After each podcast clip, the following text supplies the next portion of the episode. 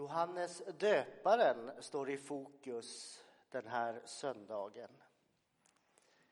Johannes döparen representerar någonting väldigt viktigt den här söndagen.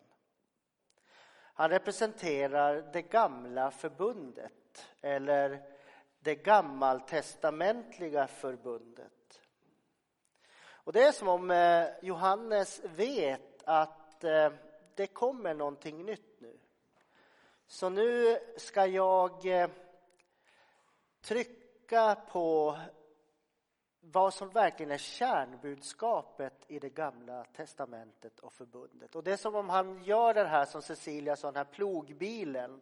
Det är som om han vet att nu ska jag, nu ska jag dra det här så långt det bara är möjligt. Så att det på något sätt bereder väg för det som jag inte inte kan ge.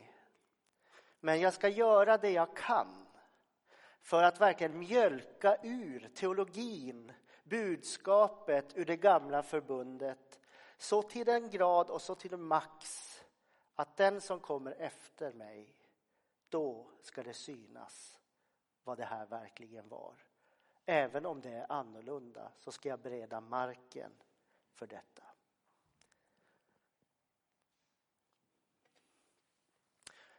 Vi kan nog känna igen oss många gånger i det här med att bana väg för Herren. Har ni tänkt på hur många gånger människor har gått före er? Det kan handla om allt ifrån den här kyrkan. Det kan handla om jobb. Att någon, eh, du tar över någon annans arbete. Det kan handla om massor med olika saker. Det är nästan en erfarenhet. Detta att komma efter någonting.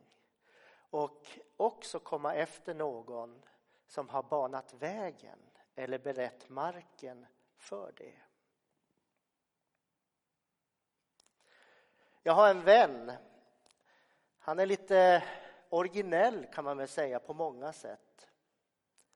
Det är väl det som gör honom intressant. Men han frågar aldrig när vi ses hur mår du eller hur är läget? Utan han frågar hur blev det? Jag önskar att jag kunde svara honom, jo då, sen vi såg sist så blinda ser, lama går, spetälska blir rena, döva hör, döda står upp och fattiga har fått ett glädjebud. Som människa kan vi nog identifiera oss med Johannes känsla. Särskilt den av oss som har varit länge i tron som har kämpat i en församling och inte upplever. För ofta är det ju mer en upplevelse än vad det faktiskt är en sanning. Upplever att den inte har sett något synligt resultat. Var detta allt? Har jag kämpat förgäves? Vad blev det egentligen av min möda? Vad var frukten? Kort sagt, hur blev det?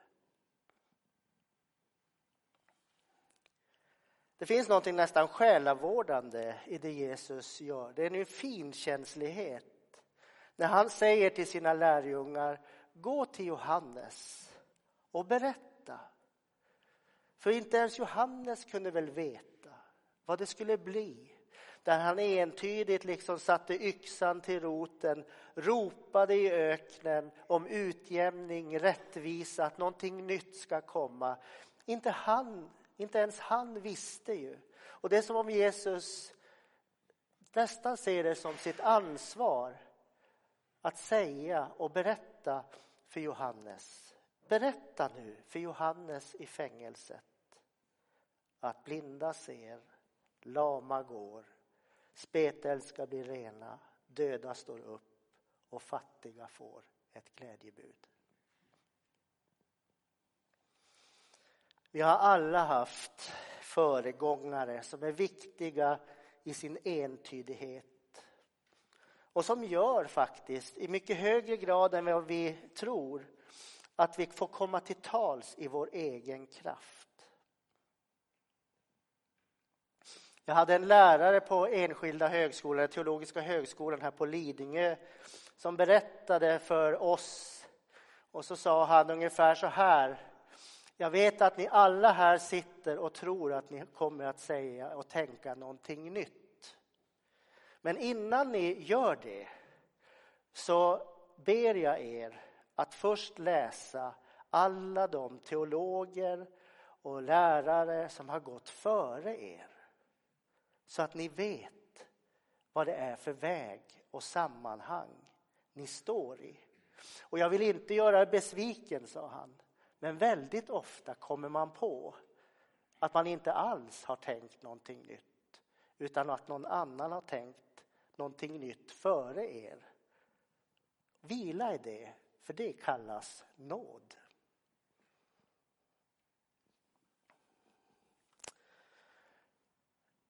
Här på Lidingö så finns ju Carl Milles gården. Ni vet statyn med den stora handen. Och så längst ut på den där handen så balanserar en människa som sträcker sig ut mot himlen.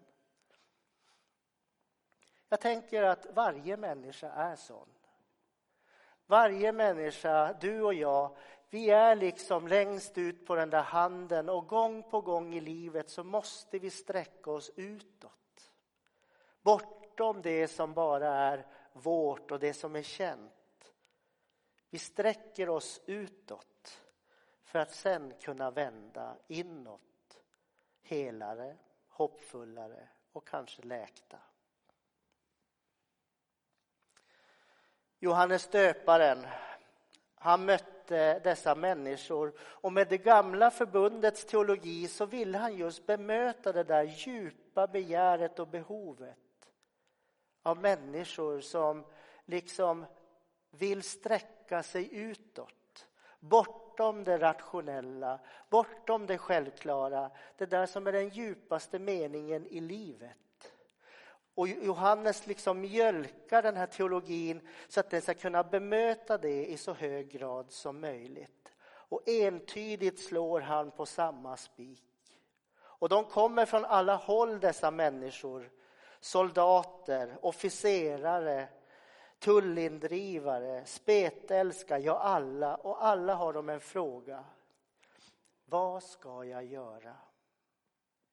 Och till företagsledaren säger Johannes, sluta säga att du bara gör affärer. Hör ropet i ditt hjärta. Till politikern säger han, sluta tro på makten och dominansen och att dess problem löses, bara du har makt. Till prästen säger han, sluta försvara Gud utan ge dig själv till de minsta mitt ibland oss.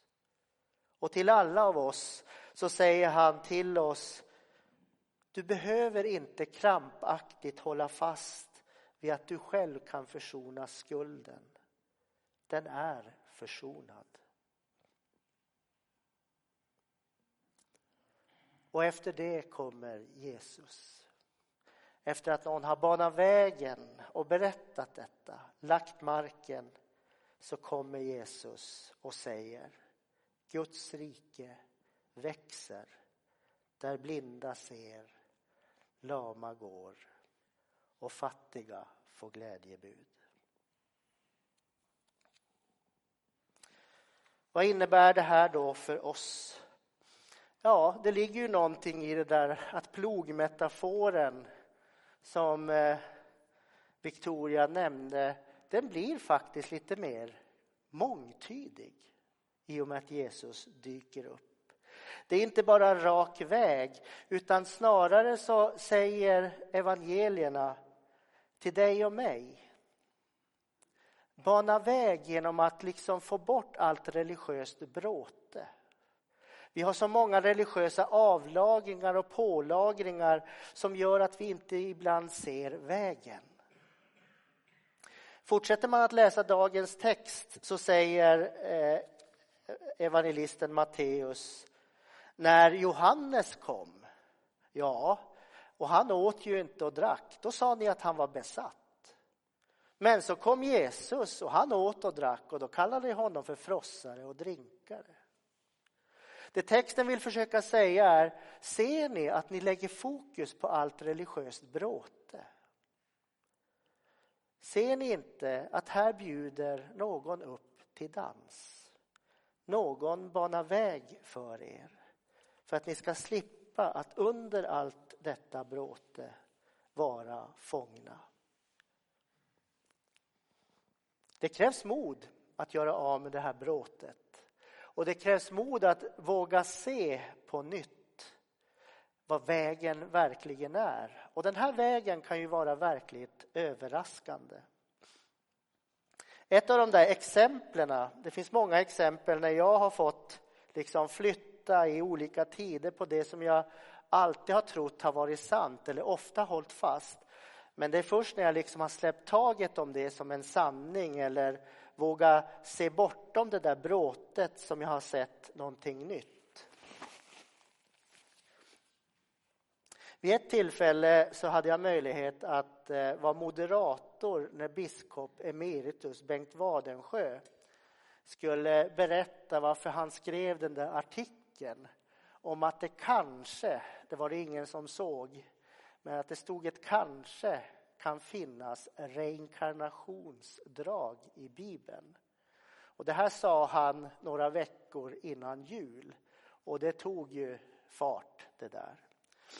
Och då eh, undrade vi många vad han menade egentligen. Och så frågade jag honom, vad menade du när du skrev den där artikeln? Ja, sa han, jag är ju kristen. Jag, jag kan inte säga att jag tror på reinkarnation. Det tror ju alla nu. Men det jag skrev var egentligen att det finns drag i Bibeln, om möjligt, som jag tyckte var viktiga. Men i grunden så handlade den artikeln om en personlig erfarenhet. Och den har berättat, kan jag berätta nu när jag inte är biskop längre, för annars blir jag nog avkragad. Så berättade han att han hade åkt till eh, Indien. Och så hade han eh, i sin tjänst då jobbat med ekumenik och träffade olika religionsperspektiv, eh, olika religioner. Och då hade han mött en vis man som jobbade med olika andliga övningar, alltså orientaliska, indiska övningar. Och då tänkte Bengt sådär att ja men om eh, om jag nu tror på det här med dialog som innebär ju att jag faktiskt skulle kunna upptäcka något nytt som någon annan har så att jag kan bli överraskad. Då måste jag ju ändå liksom våga utsätta mig för det här. Så han ber den här vise mannen eller den här andliga mannen, kan inte du göra en sån där övning på mig? Eh, och den här mannen han säger, ja men det kan jag göra. Så börjar, och så säger den här mannen till Bengt ungefär så här. Du vet att tillvaron består av 34 chakran. Och biskop Bengt han inser att nu är jag ute på halt vatten. Men han säger okej, okay, nu ska vi ta oss igenom de här 34 chakrarna. Okej, okay, hur gör jag då? Du blundar. Och så börjar han blunda. Och så börjar de göra den här andliga övningen och så åker de igenom det här och det är ju tid och rum försvinner. Och han åker väl igenom de här chakrarna som han inte ens vet vad det egentligen är. Men plötsligt så i sitt inre så berättar han hur det kommer en man mot honom och det är Jesus. Och då säger Bengt ungefär så här. Jag har varit präst och biskop i nästan ett halvt liv. Och aldrig i mitt sammanhang har jag sett Jesus på det sättet. Det han säger är, det här modet att våga.